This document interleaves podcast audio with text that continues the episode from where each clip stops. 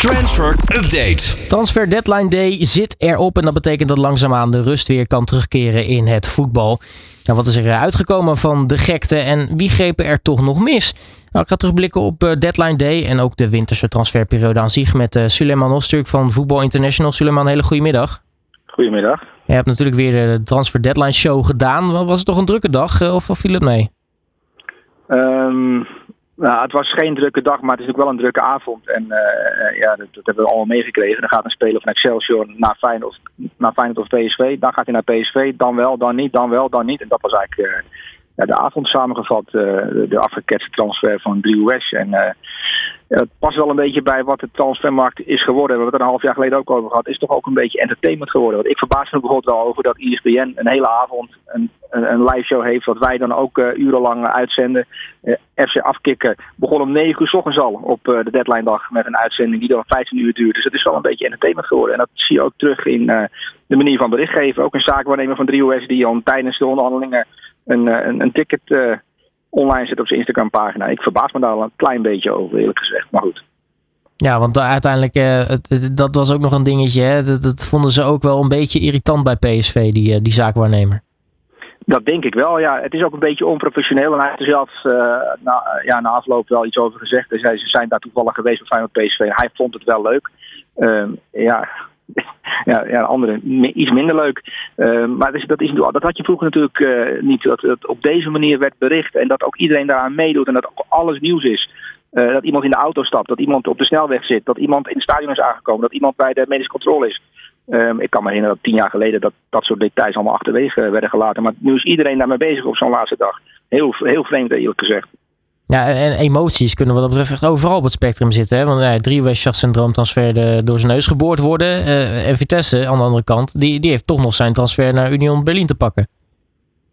Ja, dat, is wel, dat heeft Peter Bos ook uh, zojuist uitgelegd. Dat ook was menselijk, iets menselijk was. Hij heeft hem zijn jaarwoord gegeven. Ze hebben hem toestemming gegeven om naar Berlijn af te reizen.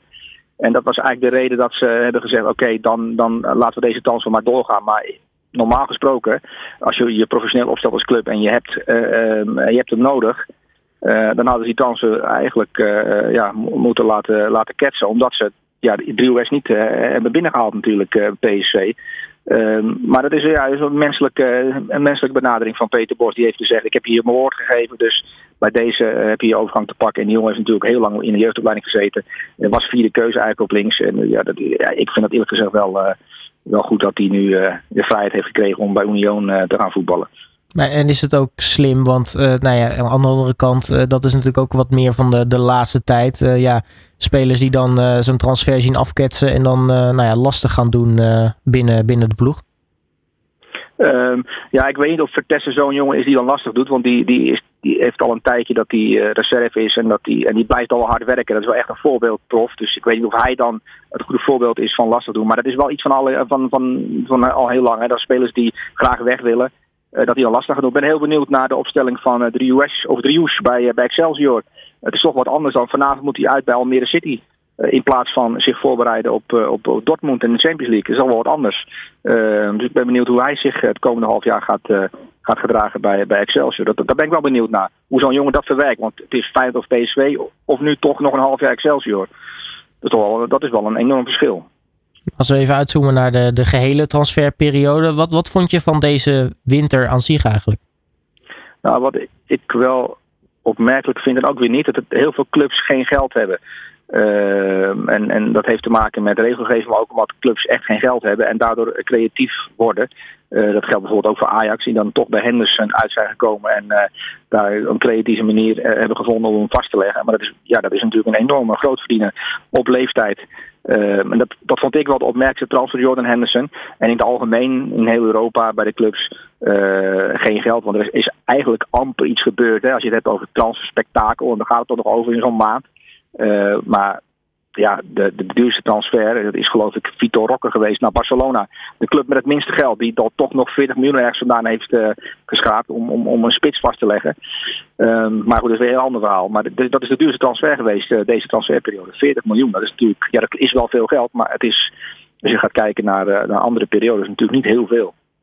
Nou, als je, nou, je noemde Henderson natuurlijk al naar, naar Ajax, maar ja. wat waren in jouw ogen sowieso de, de grootste of misschien meest opvallende transfers? Nou, in Nederland, de drie, ik denk de drie meest opvallende, heb, heb, heb je Jordan Henderson op één. Dat is toch wel een international van Engeland, een voormalige aanvoerder van Liverpool, die, die in de Eredivisie komt voetballen. Uh, maar ook uit Saudi-Arabië komt en daar een salaris had van 15 miljoen euro. Dat vind ik wel een opvallende transfer. Uh, Boadou, die we toch een beetje uit zicht waren verloren. Groot, heel groot talent. Dat zou toch de nieuwe superster worden van, uh, van, van, het, van het internationale voetbal. Ook een heel super groot talent die voor 16 al doorbrak bij AZ. Um, en, en dan bij AS Monaco amper aan spelen toekomt. En nu toch bij Twente terugkeert. Daar ben ik wel nieuwsgierig naar. Dat vind ik wel een mooie transfer ook voor, uh, voor, voor, voor, voor, de, voor de Eredivisie. En ja, over Ugalde is natuurlijk heel veel gesproken. Manfred Ugalde die van Twente uh, naar Spartak Moskou is gegaan. En ja. dat, dat, dat was eigenlijk een andere reden waarom dat heel erg in nieuws was. Uh, daar heeft Twente veel geld voor gekregen. Maar het is natuurlijk wel een transfer naar een besmet land. Ja, en, en sowieso nog maar afwachten of ze gaan betalen. Spartak, want volgens mij Heerenveen is... zit er ook nog steeds achter hun geld aan. Ja, dat is ook nog een, een, een, een, een obstakel. Maar ik hoop dat Twente dat goed geregeld heeft. Ja, en, en internationaal gezien? Um, qua namen, ja, ik, ik, uh, ja, je kunt, ik, ik, ik heb bijvoorbeeld wat, wat ik mij, uh, wat ik enorm opvallend transfer vond, was Cyril Ngonge. Uh, Zo'n zo naam die, heel, dat is dan, die heeft in de Eredivisie gevoetbald bij Groningen en de ringen daarvan dat hij te laat op de training was en het verhaal dat hij dronken op de training verscheen, weet je wel. Uh, die, die gaat dan naar Hellas Verona. En ineens lees je het bericht, voorpagina Gazetta, Cyril Ngonge voor 18 miljoen euro naar Napoli. En dan sta ik daar wel van te kijken. En heb ik iets gemist? En hij heeft wel een aantal goede wedstrijden gespeeld, helaas corona. Maar dat vond ik wel heel opmerkelijk deze januari-periode. Een voorbeeld van een opmerkelijke transfer. Ja, dan hadden we natuurlijk ook nog een, een, een Belg, die Arthur Vermeeren. Ja. Misschien ook wel een interessante transfer. Hè? Want die sterker nog, de laatste wedstrijd dat hij in dit geval bij Antwerpen nou, enigszins betrokken was, stond hij nog op het lijstje als materiaalman. Ja, Arthur Vermeer, ja, een heel groot Belgisch talent, 18 jaar. En, en dat hij dan voor Atletico Madrid kiest, uh, is opvallend. En uh, ja, die is natuurlijk onder Mark van Bommel de afgelopen anderhalf jaar heeft hij enorm veel stappen gezet. Is is hij doorgebroken, international geworden. en en, en die, die gaat dan op zijn 18e naar Atletico Madrid. Een heel opvallende stap. En inderdaad, dat was een grappig verhaal dat hij als materiaalman zijn laatste wedstrijd nog meemaakte. Ja, ja, is ook een, opval, ook een van de opvallende transfers deze, deze januari-periode. In Arthur Vermeer dat heb ik ook genoteerd, inderdaad. Ja, want is dat een jongen die uh, nou ja, past bij het, voetbal van, van Simeone, van, van Atletico? Kan, kan hij daar een grote jongen worden? Um, nou, nou, totaal niet eigenlijk. Als je gaat kijken, als je hem als speler analyseert. Is, het is, uh, in België uh, vroeg zich af of hij in La Masia was opgegroeid omdat hij zo. Het was echt een Barcelona voetballer. Dat, dat, dat, is, dat, ja, dat etiket of predicaat is op hem geplakt in België. En dan gaat hij, kiest hij voor Atletico. Nou, is, zie je wel bij Atletico de laatste twee jaar dat Simeone ook iets meer voetbal in die ploeg probeert te krijgen. En dat lukt hem ook wel erg goed, moet, ik zeggen. Maar ik vind het een spannende combinatie. Een Belgisch supertalent. Uh, bij, uh, bij Atletico onder, onder de hoede van Simeone. En daar hebben een aantal andere spelers ook uit België daar gezeten. Uh, Witzel zit er ook, dus hij zal zich goed hebben, hebben laten voorlichten. Dus ja, dat, daar kijk ik wel naar uit de komende jaren hoe dat gaat uitpakken. Want jouw Felix is ook een heel groot talent die ooit voor Atletico koos. En dat is natuurlijk heel, heeft heel slecht uitgepakt. Ja. Nou, dat was dus nog even afwachten. Uh, tot slot ben ik eigenlijk wel benieuwd. Want daar hadden we natuurlijk in de zomer nog, uh, nog nou ja, last tussen aanstekens van. Maar zijn er eigenlijk nog markten open waar we rekening mee moeten houden? Nou, ik kan me herinneren, we hadden het een half jaar geleden over Saudi-Arabië. En ik, ik, jullie waren daar erg mee bezig. En, en, en de rest van de wereld ook trouwens. Dat, dat de Saoedische clubs die, die hengelden heel Europa leeg. Um, weten jullie hoeveel, uh, hoeveel spelers er vast zijn gelegd door Saudische clubs deze transferperiode? Die markt is gesloten inmiddels. Ik, ik heb het idee vrij weinig. Ik heb er niet veel over gezien. Nou, twee spelers. Ja. Uh, Rakitic is er een van, die, die van Sevilla naar Saudi-Arabië gegaan. En Renan Lode. Dat zijn de enige twee spelers die zijn vastgelegd. En Jordan Henderson is natuurlijk vertrokken. En we hebben allemaal kunnen lezen dat heel veel andere spelers ook hebben gezegd... ik voel me hier niet meer helemaal op mijn gemak. Mag ik weg? Uh, Benzema is natuurlijk ook een, een groot voorbeeld daarvan. Mm-hmm. Uh, het is wel opvallend dat het een half jaar geleden... ja, de miljoenen in Europa vielen. Overal werd de jackpot gewonnen door allerlei spelers. Dat je dacht, goh, ongelooflijk dat salaris die kan verdienen. En, en, nu zijn er maar twee spelers naar... Saudi-Arabië vertrokken. Dat vind ik ook wel een opvallende trend, eerlijk gezegd. Ik ben heel, ook heel nieuwsgierig hoe dat in de, in, in de komende periode, in, in de zomer, hoe zich dat gaat uh, voortzetten. Want die waren toch wel heel serieus bezig met het opzetten van de eigen competitie richting het WK natuurlijk in 2032.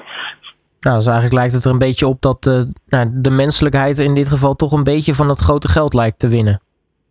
Ja, of, of dat de januari-transferperiode, dat spelers toch denken: ik heb. Uh, ik zie Saudi-Arabië niet zitten. Of dat ze daar ook zijn geschrokken van de reactie internationaal. Hè, want ze zijn in, dat soort uh, landen met dat soort regimes toch wel gevoelig voor hoe, in, hoe internationaal wordt gereageerd op gedraging. Die hebt in China ook meegemaakt. China had ook zo'n periode dat ze iedereen binnenhaalden, ja. allerlei dure spelers. Totdat de president van China zei van ja, maar we worden als een soort van, uh, als een soort van kassa gezien. weet je, die spelers komen hier eventjes wat miljoenen ophalen en vertrekken dan weer. we worden eigenlijk uitgelachen. We stoppen er gewoon mee. En sindsdien zijn alle buitenlanders daar vertrokken. En ik denk dat er in Saudi-Arabië misschien ook zoiets uh, gebeurd is. Dat ze toch wel zijn geschrokken van, uh, van de reactie internationaal. Dat het toch een beetje als, als iets geks wordt gezien. Een soort veteranencompetitie in de zandbak waar spelers nog eventjes uh, ja, tientallen miljoenen komen ophalen. Om daarna snel weer te vertrekken. Want ze willen eigenlijk helemaal niet zijn. Nou, we gaan zien of die ontwikkeling zich komende zomer gaat doorzetten. Uh, Suleiman Osterk, mag ik je in ieder geval hartelijk danken voor, voor nu. En nou ja, spreek je ongetwijfeld snel weer. Yes. Transfer Update.